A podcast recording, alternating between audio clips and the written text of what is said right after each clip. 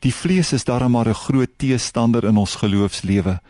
Die een oomblik voel dit vir jou die Here is so naby, om dan 'n dag of wat later weer te wonder, is die Here nog met my? Die een dag dan voel dit vir 'n mens, my geloof is so sterk, ek sal nooit ooit weer twyfel nie.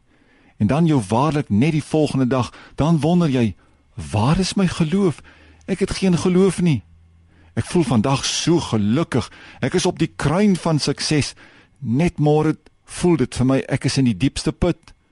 Na die kragtigste gebedsverhoring voel dit vir my ek het nou geleer hoe om die ding vir die Here te doen om net die volgende dag 'n neerlaag te moet beleef.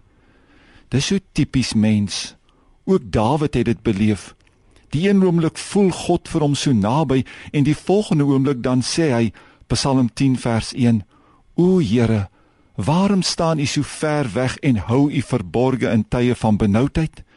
Die een oomblik het die disippels die siekes genees en duiwels uitgedryf, Lukas 10 vers 17. En die volgende oomblik was hulle weer onmagtig, Markus 9 vers 18. Die een oomblik loop Petrus op die water en die volgende oomblik sink hy, Matteus 14 vers 30. Dit wys net hoe onwys is dit om op gevoel te lewe, te let op die vleeslike die sigbare. Daarom dat die skrif sê 2 Korintiërs 5 vers 7, ons wandel deur geloof en nie deur aanskouing nie. Met ander woorde, ek moet nie so let op wat ek sien en wat ek voel nie.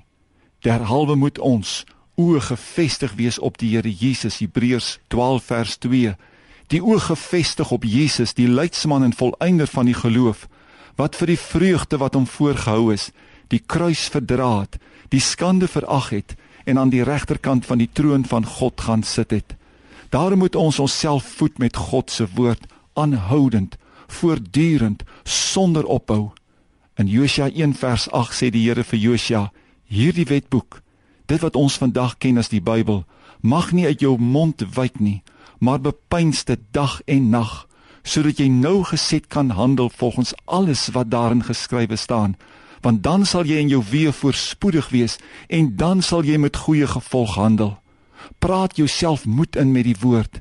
In tye wanneer die swak gevoel oor jou kom, sê vir jouself: Dieselfde krag waarmee Jesus uit die dood opgewek is, is ook in my en werk deur my Efesiërs 1 vers 19 en 20. Vader, ek verklaar oor my lewe in die naam van Jesus, ek is sterk in die krag van die Here. Ek weier om na die vlees te wandel, maar ek wandel in die gees met my oë op die Here Jesus. Amen.